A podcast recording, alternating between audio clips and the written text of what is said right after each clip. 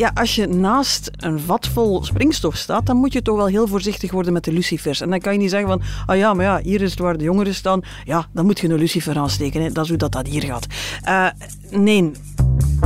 Wat vinden ze bij het nieuwsblad van de TikTok-uitspraken van Sami Medi? En is het rapport van de federale regering al klaar? Dat ga ik checken op de redactie van het nieuwsblad in Antwerpen bij de hoofdredacteur Liesbeth van Impe. Dag Liesbeth. Dag Jeroen. En bij chef politiek Hannes Hendricks. Dag Hannes. Dag Jeroen. Ik ben Jeroen Roppe. Dit is de politieke podcast van het nieuwsblad. Het punt van Van Impe.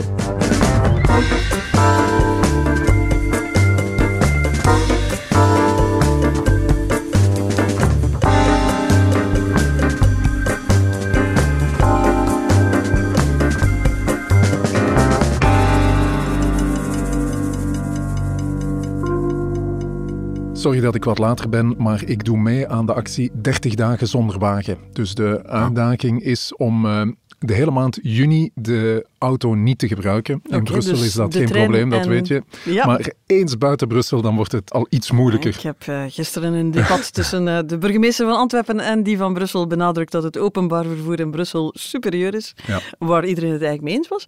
Um, en dus ja het laatste stukje nu, de tram stopt hier voor de deur. Ja, inderdaad, dat is heel handig. Uh, maar ze noemen de actie nu 30 dagen minder wagen. Dus uh, je mag af en toe de auto gebruiken, maar ik heb het nog niet gedaan deze maand. Over de uitspraken van CD&V-voorzitter Sami Medi uh, na de uitspraken in het proces Sanda Dia moeten we het ook hebben, vind ik. Maar ik zie dat jullie hier ook bezig zijn met een rapport over de federale regering. Wat is het plan, Hannes? Wel ja, inderdaad. In de weekendkrant, de weekendbijlage, gaan we het rapport maken van de federale regering eigenlijk alle ministers een score geven en kijken hoe ze het gedaan hebben het voorbije jaar. Uh, de aanleiding is uiteraard één jaar voor de verkiezingen. Uh, en misschien ook het feit dat de federale regering eigenlijk niet zo heel veel meer gaat doen en al in campagnemodus is. Ja, jullie geven dus individuele scores. Uh, wat zijn de criteria? We hebben die oefening al eens gedaan met de Vlaamse regering ja. ook. Je gaat voor een stuk gaan kijken naar het regeerakkoord. Nu, dat was natuurlijk bij de Vlaamse regering veel uitgebreider dan in de federale regering, waar ze met het spreekwoordelijke kladje papier begonnen zijn. Dus maar we gaan kijken naar uh, wat zijn de grote dossiers die uh, op het departement lagen bij de federale regering krijg je ook het stuk van, ja, ze hebben aan, een, aan de ene kant in het begin veel crisisbeheer moeten doen. Daarnaast moet je toch echt wel gaan kijken op hun departementen, zeker als er grote hervormingen nodig zijn. Hoe brengen die er vanaf? En hoe zijn ze met de crisissen van het moment omgegaan? Daar hebben we het zo meteen over. Ik wil toch al weten, zijn er buizen, Hannes? Uh, ja, er zijn enkele buizen. Wat een verrassing. Ik denk dat we nog nooit een rapport van een regering hebben gemaakt waar toch ook niet de occasionele buis voorbij passeert. Ja, okay, ik moet zeggen, bij sommige ministers zouden we echt wel goed moeten nadenken over wat hebben die de voorbije jaren nu eigenlijk gedaan. Um, ja, en dan land je wel op een buis. Ik wil daar uh, gerust een Belgische wijn bij drinken, maar met deze temperaturen wou ik toch gaan voor iets juicy and wild, zo heet dit. Het is uh, wel gemaakt van een wijndruif, geteeld in de provincie Limburg, de Muscaris. En daar hebben ze dan een druivenlambiek van gemaakt. Een typisch dus Brussels bier dus. Bier op basis van... Een wijndruif, ja, gemaakt in de Lambiekfabriek in Ruisbroek in Sint-Pietersleeuw bij Brussel. Bekend de van de Bretel, de Chartel, de Naturel en ah. dus nu ook de Muscaris. Dus scheidingslijn tussen bier en wijn wordt dunner en dunner, hybrider en gediversifieerder. Ja. Gezondheid okay. op het negentigste punt van Van Impe. Wat ik denk van heel die reuzegom-affaire, is dat je een keer eens moet uitleggen hoe dat het komt dat er een heksenjacht wordt georganiseerd op ACID, terwijl dat hij eigenlijk niks anders doet dan wat dat de journalistiek iedere dag doet. Meer zelfs, vaak heb je gewoon al namen, foto's en bijna een horoscoop van iemand die nog niet eens schuldig is bevonden, terwijl in deze denk ik de schuld wel bewezen is. Wat hij mij ook nog eens moet uitleggen, dat is hoe dat het komt dat de straffen die ACID mogelijk kan krijgen, dat die nu blijkbaar bijna hoger oplopen dan de werkstrafjes die de reuzengommers hebben gekregen. De voorzitter van CD&V, Sami Medi, laat zich op TikTok uit over het Reuzegom-proces. Leden van de studentenclub Reuzegom werden veroordeeld tot werkstraffen na het overlijden van Sanda Dia na een sadistisch doopritueel. Medi begrijpt niet dat YouTuber Acid, die de namen van de veroordeelde Reuzegommers vrijgaf, daar zwaardere straffen voor riskeert. Heeft hij een punt, Lisbeth? Ik had het heel moeilijk met wat Sami Medier doet. Pas op, sinds daar de uitspraak gevallen is, dan zie ik eigenlijk twee dingen gebeuren. Je ziet een heleboel mensen die zowel emotioneel als rationeel reageren, die vragen hebben bij die uitspraak, bij die straffen. Uh, is dat toch niet licht? Die, die zich vragen stellen van, is, hoe rechtvaardig is het allemaal? Is, is hier een soort van gerechtigheid geschied? Dat zijn de mensen van de stille marsen, van de opiniekolommen, van de, de, de, de heel veel jonge mensen die ja, zich daar vragen bij stellen. Maar je hebt en ook... Sami Medier heeft dat gevoel gecapteerd. Nee, hij heeft volgens mij niet dat gevoel gecapteerd. Wat hij gecapteerd heeft, is dat er ook een groep is die, uh, wat ik dan de meute zou noemen, die uit is op wraak. Dat zijn de mensen die uh, ouders van reuzengommers en vermeende reuzengommers aan het bestoken zijn met haatberichten of hun uh, restaurants en zo in het vizier nemen, die in het geval van ESIT er zal waarschijnlijk wel zeggen dat het allemaal om te lachen is, maar hij ging daar toch iemand zijn tanden, uh, vond dat een, iemand zijn tanden mochten uitgeslagen worden, een andere mocht gespietst worden. Dus daar zit je met een veel agressiever taalgebruik, waar echt het gaat over oog om een oog, wraak, vergelding. En eigenlijk heeft uh, Sami Medi gezien die bezorgdheid bij velen en heeft hij aan de kant gezet van de meest luidruchtige, degene die echt met half schuim rond de mond uh, aan het rondlopen zijn. Hij heeft gezegd van oké, okay, ik ga mij daarachter zetten en dan ga ik die hele grote groep weten te bereiken. Ja, dat is van een cynisme dat ik zelden gezien heb, ja. dat voor een voorzitter van een beleidspartij niet goed te praten is.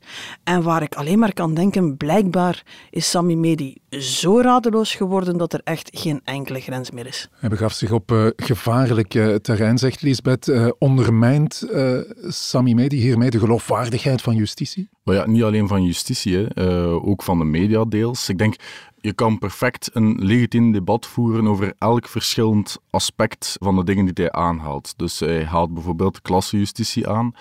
Je kan daar een debat over voeren. Eén, zijn die straffen die die reuzengommers hebben gekregen, zijn die hoog genoeg? Ja, je, je kan daarover argumenteren, je kan daar van mening verschillen. Je kan zelfs als politici zijn daar initiatieven uh, nemen om daar iets aan te veranderen. Dat uh, die, die kwalificatie van dat misdrijf, dat daar een hogere staf op komt te staan. Je kan ook een perfect legitiem debat voeren over moeten de media de namen van de reuzengommers geven of niet. Wat Sammy Media in zijn video doet, is eigenlijk alles op één grote hoop gooien en zo een sfeertje creëren alsof dat alles aan elkaar verbonden is en er één soort complot bestaat om die reuzengommers te beschermen door justitie, door de media. En ja, dan begeef je inderdaad op het ijs van puur plat populisme, ja. denk ik. Ja, en dan is... daarachter doet hij nog eens een cheventruc. Hè. Ja, goh, je moet die in TikTok, dat is nu eenmaal om met de jongeren te communiceren, maar eigenlijk wil ik daar gewoon een debat. Dan probeert hij nog ook eens de, de redelijke positie, die van het redelijke debat, probeert hij dan op andere fora, waar dat je daar wat meer ruimte voor krijgt, wat meer tijd voor krijgt. Ja, als je naast een vat vol springstof staat, dan moet je toch wel heel voorzichtig worden met de lucifers. En dan kan je niet zeggen van, ah ja, maar ja, hier is het waar de jongeren staan. Ja, dan moet je een lucifer aansteken. Hè. Dat is hoe dat, dat hier gaat. Uh, Nee, je maakt die TikTok. Je weet dat dat het stuk van het debat zal zijn dat veel jongeren gaan alleen dat gezien hebben. Ze zullen niet naar ja. de afspraak gekeken hebben. Ze zullen niet nog eens 27 kranten gelezen hebben om te zien wat Sami Medi nu eigenlijk bedoelde. En dan uh, moet je weten wat je aan het doen bent. En dat is op dat geval, in dit geval heel veel views en likes en, ja. en, en duimpjes scoren. Hè. Hoe ongebruikelijk is dit? Want ik herinner mij uh, enkele maanden geleden Zouhal Demir, uh, Vlaamse minister voor Justitie ook, die een soortgelijke uitspraak deed, ook over een uh, sanctie waar ze het niet mee eens was en daar een politieke actie aan verbond. Wel ja, dan hebben we het uh, ook in deze podcast uh, besproken, als ik het mij goed herinner. En hebben we dat ook met klem veroordeeld. Je ziet ook, ja, Koen Geens, de minister van Justitie. Ook CDMVR. Inderdaad, minister van Justitie geweest heeft eigenlijk ook, ja, het is wel niet in de meeste. Uh, maar ik, vond dat, ik vond het helder. Ik was, het is een ik, menselijke vergissing, zei ja. hij. Een menselijke vergissing, maar onoordeelkundig. Ja. Niet de meest en, geslaagde communicatie. Ja. En uh, als je Koen Geens een beetje kent, dan is dat streamende kritiek. Dat is hoe Koen Geens uh, dat, dat verwoordt, altijd bedachtzaam. Maar je hebt wel gelijk, net daarom is dit zo erg, omdat dit zo'n high-profile case is. Je voelt die grens al een tijdje opschuiven.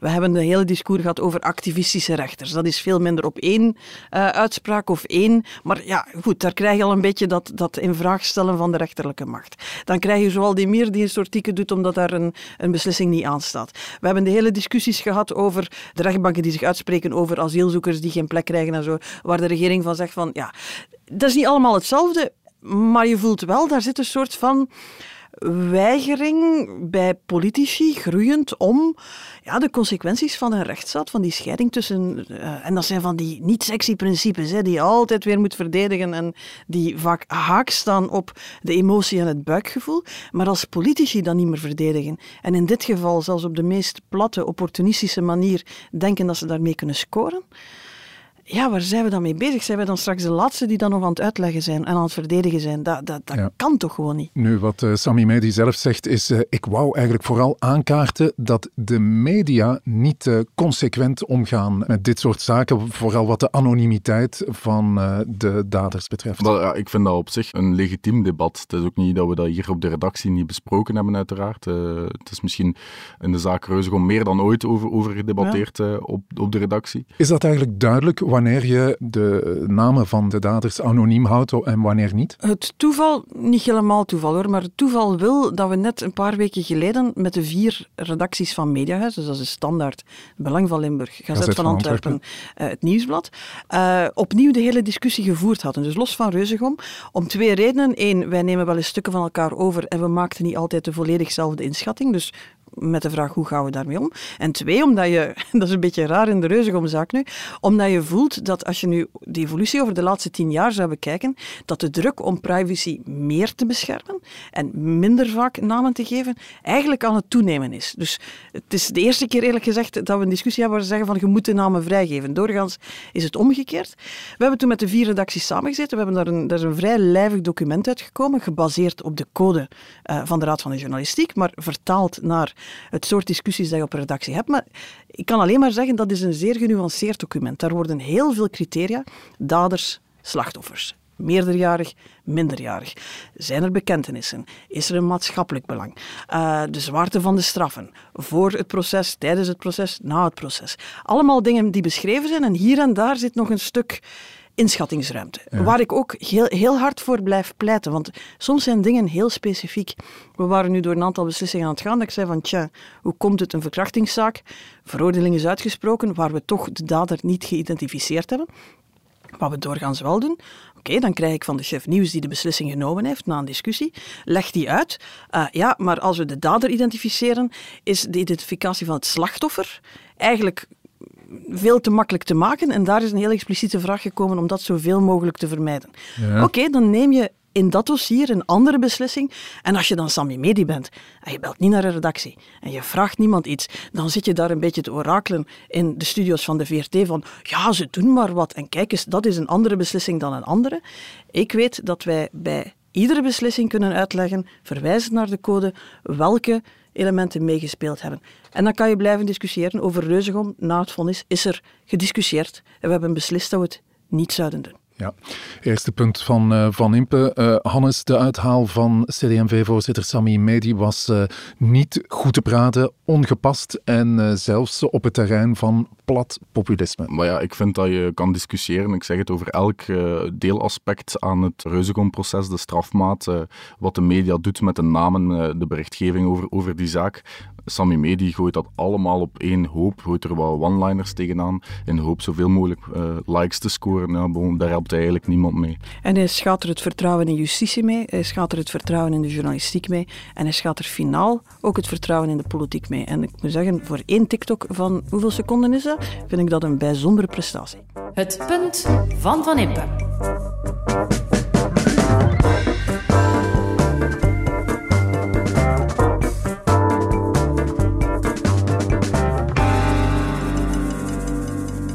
Het is in die geest dat ik vandaag het vertrouwen van deze Kamer wil vragen. Omdat het akkoord van deze regering gebouwd is op vertrouwen, op de wil om vooruit te gaan, op de geduldige toepassing van de democratische principes en vooral op de bereidheid om een consensus te zoeken. Premier Alexander De Croo meer dan 2,5 jaar terug bij de start van de Vivaldi-regering. Tijd voor een rapport van die regering. Dit weekend lees je daar alles over in het nieuwsblad. Maar ik zou toch het rapport alles graag willen inkijken. Um, Hannes, kan je ermee thuiskomen? Wel, ik denk als ik er mee thuis was gekomen uh, vroeger, uh, dat mijn ouders niet zo heel content Je was een beetje zo strevertjes, hè? Een klein beetje wel, ja. ik maar. Zou er ook niet kunnen mee Ja, nee, het is echt zijn. met de, met de hakken over de sloot, eh, dit rapport. Ja, net geslaagd. Eh, ik herinner mij dat de regering begon in een redelijk moeilijke periode. Hè. Er was eh, corona, dan eh, kwam er de oorlog in Oekraïne, dan was er de energiecrisis. Mag ik stellen dat de regering daar wel punten mee gescoord heeft met die aanpak van die crisis? Het is de periode dat de regering het makkelijkst kon waarmaken. We zijn één ploeg. Wij doen, nemen de moeilijke beslissingen. We proberen daar steeds begrijpelijker over te, te communiceren. Dat was ook het einde van zo die onbe- onbegrijpelijke powerpoints en zo. En je had het gevoel van, hier staat op zich wel een ploeg. Hier staat Ja. een team en die crisis nemen ze in handen. Ze hebben de vaccinaties op, op gang gekregen. Ze hebben uiteindelijk de maatregelen over een lange periode kunnen eh, volhouden. Je kreeg datzelfde gevoel bij het begin van de oorlog in Oekraïne. De koopkrachtcrisis, de energiecrisis. Heel veel groot schuifgeld opengetrokken. Heel veel mensen geld gegeven. En met alle kritiek die ik op kan hebben, qua crisisbeheer moet je zeggen, het straalt daadkracht uit. Het, Ja. straalt, het, het, het zorgt voor een stuk van rust en het geeft leiding. Hè? Ja. We wisten altijd, daarachter wordt het moeilijker natuurlijk. Ja, punten gescoord dankzij crisismanagement. Wat heeft de regering dan punten gekost, Hannes? Wel ja, inderdaad, daarna kom je in een soort rustiger vaarwater waarin je echt fundamenteel moet gaan nadenken hoe dat je ons land eh, eh, gaat voorbereiden op de toekomst. Hè. Dat, dat is dan de structurele hervormingen waar iedereen het altijd over heeft. Pensioenen, eh, fiscaliteit, eh, energie ook. En als je daar dan gaat kijken naar wat de regering daar heeft gedaan, dan moet je gewoon concluderen dat het te weinig is. Dat ze ons land te weinig hebben voorbereid op de toekomst. En bon, ja, dat kost de regering punten, maar dat kost ook Alexander de Croo punten. Als je dan nu merkt, we zijn op een jaar van de verkiezingen, dat hij zelf de campagne voor zichzelf en zijn partij op gang heeft getrapt. eh, en eigenlijk dus die hervormingen opgeeft, Ja. ja. dan moet je denken, eh, eigenlijk denkt hij op dit moment meer aan zichzelf dan aan de regering en de Dat toekomst die van land. hervormingen er niet zijn gekomen of nog niet eh, zijn gekomen. Lisbeth, had dat te maken met de methode, de Croo? Eén punt moet je, moet je nog clement zijn. Zeven partijen, het zou nooit makkelijk Dat is geen geweest cadeau. zijn. Ja. Eh, maar het is de Croo zelf die het bij het begin van de legislatuur, in diezelfde speech die we daarnet hebben laten horen, zei, verwijzend naar een van zijn helden, Michael Jordan. Het is, eh, je hebt sterren op het basketbalveld, daar kan je wedstrijden mee winnen, maar het is uiteindelijk het team dat kampioen wordt. Goed, eh, kijk dan naar dat team, dan, dan heb je daar een, een kapitein nodig, dat is dan de premier. Die moet een manier vinden om iedereen rond de tafel te krijgen, zorgen dat er voldoende interessante brokken voor iedereen op tafel liggen, heel goed aftasten van oké, een partij wil misschien niet meeschuiven in dat dossier, maar we blijven nog net binnen de pijngrens. Dat is uiteindelijk de premier degene die het overzicht houdt en kan een, een, een, een soort van strategie gaan ontwikkelen om zo'n akkoord te smeden, letterlijk. Je kan zeggen, is dat met een, partij, een aantal partijen rond de tafel, zeker aan Franstalige kant, die heel vaak eigenlijk al van in het begin duidelijk maakten van we zijn hier eigenlijk nauwelijks geïnteresseerd. De PS heeft die rol met verve gespeeld. De MR van Boucher doet Ja. dat ook. Dat maakt het niet makkelijk, maar uiteindelijk als premier moet je een manier vinden om dat te deblokkeren. Dat ging al moeizaam en dat wordt vandaag alleen maar moeilijker sinds de Croo duidelijk maakt van ja, ik ben wel premier, maar ik ben toch vooral ook een boegbeeld van Open Open VLD VLD. en een boegbeeld van mijn eigen potentieel internationale carrière, Ja, laat het ons Hannes, zo zeggen. welke minister scoort nu eigenlijk het best? Wel, als je naar de scores kijkt, we hebben eh, Frank van den Broeke, de minister van Volksgezondheid, de hoogste score gegeven. Ja, natuurlijk tijdens de coronacrisis het ge- gezicht van eh, de maatregelen, heel strenge maatregelen natuurlijk, maar bon, ook van een succesvolle vaccinatiecampagne bijvoorbeeld. En dan ook ja, na de crisis, als je dan ziet wat hij gedaan heeft met de ziekenhuishervorming, dat is een werk van heel lange adem, maar die is wel relatief goed van start gegaan. Ook ja, bij de huisartsen eh, hervormingen op punt gezet en zo. Ehm, Je voelt daar staan tegen in de stijgers. Heeft trouwens u zelf al gezegd van ehm, ik zou als de kiezer en Conor Rousseau het mij toelaten eh, er graag nog eens vijf jaar bij doen. Ik wil die hervormingen afwerken en dan zie je in die twee aspecten, crisisbeheer en in de diepte hervormen, ja, dan is Frank van den Broeke altijd Frank van den Broeke, koppig, naastig, voortwerkend en ja, die, die doet zijn ding wel. Goeie punten voor eh, Frank van den Broeke, minister van Volksgezondheid. Is er nog iemand die er bovenuit steekt? Wel, Vincent van Petegem, de minister eh, van, Financiën, voor, eh, voor CD&V, hebben we ook een relatief hoge score gegeven. Die heeft echt een blitstart gemaakt. eh, is niet bijster bekend, maar als je kijkt naar de vergroening van de bedrijfswagens bijvoorbeeld, de effectentax, een echte vermogensbelasting, heel gevoelig voor de liberalen, die heeft hij erdoor gekregen in het begin van de legislatuur. En dan ja, de fiscale hervorming, die is er nog niet. Maar als je kijkt naar de eerste aanzet van Van Petegem, uh, wat een, een relatief uh, uitgebreid plan is, wordt alom geprezen door, door fiscalisten, door mensen die er iets van kunnen weten. Ja, die visie heeft hij wel uitgewerkt. Hij heeft een echt goede eerste aanzet gegeven. Nu ligt de bal in het kamp van de regering natuurlijk. Hij is ook blijven zoeken. Dus het was duidelijk dat het, het is ja, iets waar in deze coalitie de meningen diametraal tegenover elkaar staan soms. Maar hij is met een aantal kleinere uh, voorafnames, met een bredere visie, met een plan, is blijven zoeken naar waar zit hier de opening we gaan natuurlijk op het einde, als we zijn finale score geven, nog eens moeten gaan kijken van ja, is het nu ergens geland? Dat doet er natuurlijk ook wel toe. Maar goed, je moet zeggen, als, als minister is die aan die kar blijven trekken. Zet dat tegenover iemand als Karine Lalliot pensioenen. En dan zie je, ja, dat is wel een heel andere tactiek. Dat is eigenlijk die, die van... is met de kar tegen de muur blijven rijden. En, en kan ik nog een put vinden met wat meer modder in om die kar nu helemaal te laten vastrijden. Dat is een andere aanpak. Alle scores uh, dit weekend in de krant. Maar ik zou toch nog wel willen weten, Hannes, wie scoort nu eigenlijk het minst goed? Ja, het minst goed uh, scoort uh, Michel de Derde, onze staatssecretaris voor digitalisering. Ja, ik ben blij dat jullie het al twee weten. Ik moest even nadenken. Mathieu Michel. Uh. Ja, de Michels zijn al niet zeer populair in deze podcaststudio, maar uh, nummer drie slaagt er toch echt wel in om het uh, absoluut een nulpunt stilaan te gaan bereiken. We hebben met het vergrootglas moeten zoeken naar zijn verwezenlijkingen en we hebben er geen gevonden. Geen gevonden, ja. Ik moet zeggen, was Sarah Schlitz blijven zitten, dan zou ze ongeveer dezelfde score gekregen hebben, want al ja, alleen voor een logo dat mooi ontworpen is met haar eigen naam, kan je toch ook niet zoveel punten geven. haar collega De, de minister van Klimaat. En voor de rest eigenlijk weinig in de portefeuille. Die, uh, daar zijn we toch ook streng voor geweest. Tweede punt van Van Impe. De regering slaagt maar net. En dat komt dankzij de aanpak van de, de crisissen. De hervormingen, daar uh, blijven nog op onze honger zitten. Maar we zijn een jaar van de verkiezingen, dus laten we dit een, een paasrapport noemen. Hè. Ik weet niet of je dat nog weet, zo met Pasen toekomen en goh, en toch nog een aantal dingen die toch wat aandacht... Is nog een beetje hoop. Voilà, er komt nog zo'n kort trimester, dus minder om te blokken. Maar goed, ja, ik heb ook niet veel tijd om het allemaal recht te trekken. Maar oké, ze hebben nog een heel jaar. Als ze dat echt nog gaan benutten, dan zouden nog een aantal scores wel omhoog kunnen gaan. Alleen, ja, we hebben daar zeer grote twijfels bij. Het lijkt soms een beetje op het paasrapport van iemand die niet zeker is dat ze in juni nog gaan, uh, gaan meedoen aan de examens. Dus we kunnen maar zien uh, een aansporing om het nog beter te doen. Het punt van Van Impe.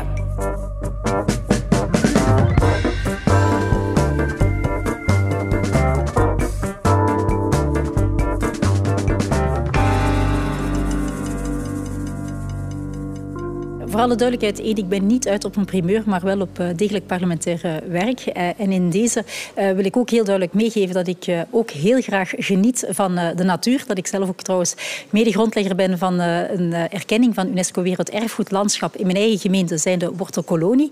En dat ik dus ook echt wel geloof in de kracht van een park als het op een goede manier wordt aangepakt.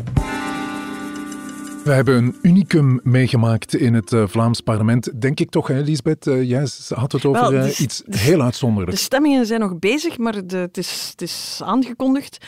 Um, ja, iemand van de meerderheid die tegen een voorstel van de meerderheid, een, een decreet. Dat zie je niet vaak in het Vlaams parlement, want in het Vlaams parlement, als er gestemd wordt, is dat meestal meerderheid tegen oppositie. Nu was er iemand van de meerderheid die tegen een voorstel stemde. Ja. Uh, wat is er gebeurd? Inderdaad, ja, Tine Rombouts, uh, parlementslid van, voor CD&V, die eigenlijk uit de, uit de boerenbondstal komt. Hè. En het is een, een typisch... Gepokt, uh, gemazeld, getogen in de boerenbondstal. Een natuurdossier van Zoaldemir, die nationale parken wil installeren in, uh, in ja. Vlaanderen, een handvol uh, nationale parken. En Tine Rombouts is daartegen. Uh, ze vreest dat de komst van die nationale parken eigenlijk een bedreiging is voor de landbouw, dan vooral ja. in, in haar campen.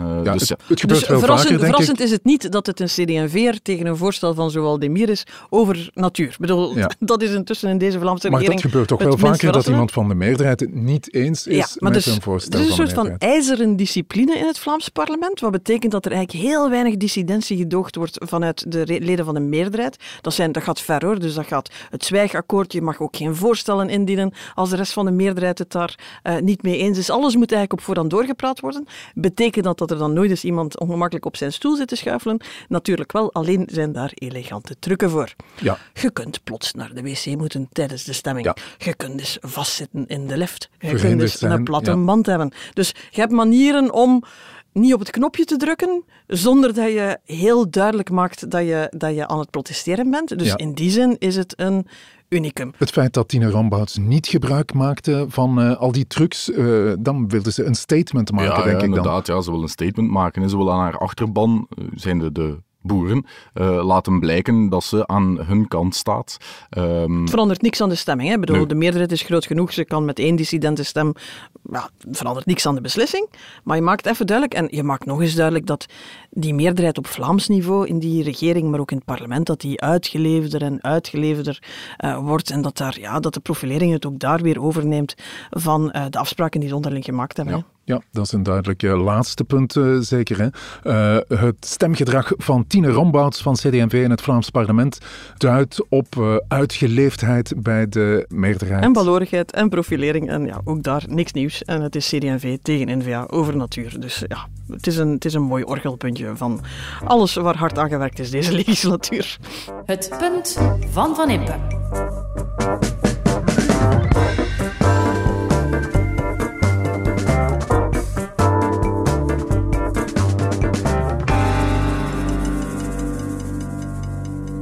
Dankjewel, dankjewel voor de drie punten, Hannes en eh, Lisbeth. Ik vond die eh, muscarel bijzonder eh, verfrissend met de citrussmaak. Bij deze zomerse temperaturen eh, Ja, ben mag ik wel hè, bij deze zomerse temperatuur. Er mag trouwens eh, veel hier, vind ik, bij zomerse Dank je. Jeroen dat je het opmerkt. Want, Er is hier al de hele dag een heb- stille revolutie ik bezig. heb altijd in, ja, ik heb altijd in de overtuiging geleefd, Lisbeth, dat jij anti-korte broeken was. Het is mijn collega hoofdredacteur eh, is daar nog gevoeliger aan. En de voorbije 11,5 jaar was hier een gouden regel dat je als de, de jongens, de, de mannen, dat die in lange broek komen werken, ook als het warm is. Wij zien, ja, we zijn van een andere tijd. Wij vinden Ja. dat dat. Ik moet eerlijk zeggen, ik ben ook altijd van de anti-korte broeken kant Ja, geweest. en pas maar op, hè, het het- gebeurt al eens dat je hier op zaterdag binnenkomt en dat er plots in achter een plant springt omdat hij u niet verwacht heeft en dat hij dan toch in een korte broek... Dat werd allemaal gedoogd, maar vandaag heeft eh, de heer Hannes Hendricks beslist om openlijk de rebellie aan te gaan en hij zit hier alsof het hij op ieder moment naar de als dat zou geen kunnen vertrekken. statement is, eh, ja, wel, ja ik, inderdaad. Ik vind het eh, een vorm van rebellie. Ik vind het een absurde maatregel. Eh, als we hier in deze podcast praten over absurde maatregelen in de politiek, mogen we er ook soms eens over praten over Ik- absurde maatregelen op de redactie, vind Voilà, ik en ik voel persoonlijk. plots de pijn van de politicus die niet gehoord en niet beluisterd wordt en straal genegeerd en, En dus, en uitgedacht. Ja. Ja, En dus capituleer je maar. We zijn nog in beraad. Ik, ik denk dat we gaan zien hoe groot de rebellie morgen is. En dan, ehm, We hebben toevallig morgen een Ik vind, redactievergadering. ik vind dus dat de zien. leiders de wil van het volk moeten volgen. Dus, eh, was het nu nog een geklede short geweest, maar hij, heeft, hij heeft dus kleren mee voor het geval dat hij plots naar de wedstrijd zou moeten. hè. Dus dat Ja, wil dus dat zeggen wel dat hij wel ja. weet dat, het, ja, dat je er niet mee kunt buitenkomen voor het moment. Ja, het is een beetje eh sport habillé, zoals ze zeggen. Ja, ja inderdaad. ik, ik voel er mij goed bij. In het Frans Ik- klinkt dat dan toch chiquer dan dat eruit dat, is, ziet. dat is toch het belangrijkste, hè, dat ik mij goed voel in mijn vel als werknemer. Oh, Allee, God. dat vind ik persoonlijk. Gen Z, toch een, eh, Gen Z. Oké, ehm, dankjewel. Ik eh, ben ermee weg. Ik neem de punten mee naar Brussel. Tot volgende week. Dankjewel Hannes, dankjewel Liesbeth. Dit was het punt van Van Impe. Je hoorde de stemmen van Liesbeth Van Impe en van Hannes Hendricks. Dank aan de VRT voor de audioquotes, aan Pieter Schrevers voor de muziek en aan Pieter Santens van House of Media voor de montage. De productie was in handen van Joni Keimolen. Tot het volgende punt van Van Impe.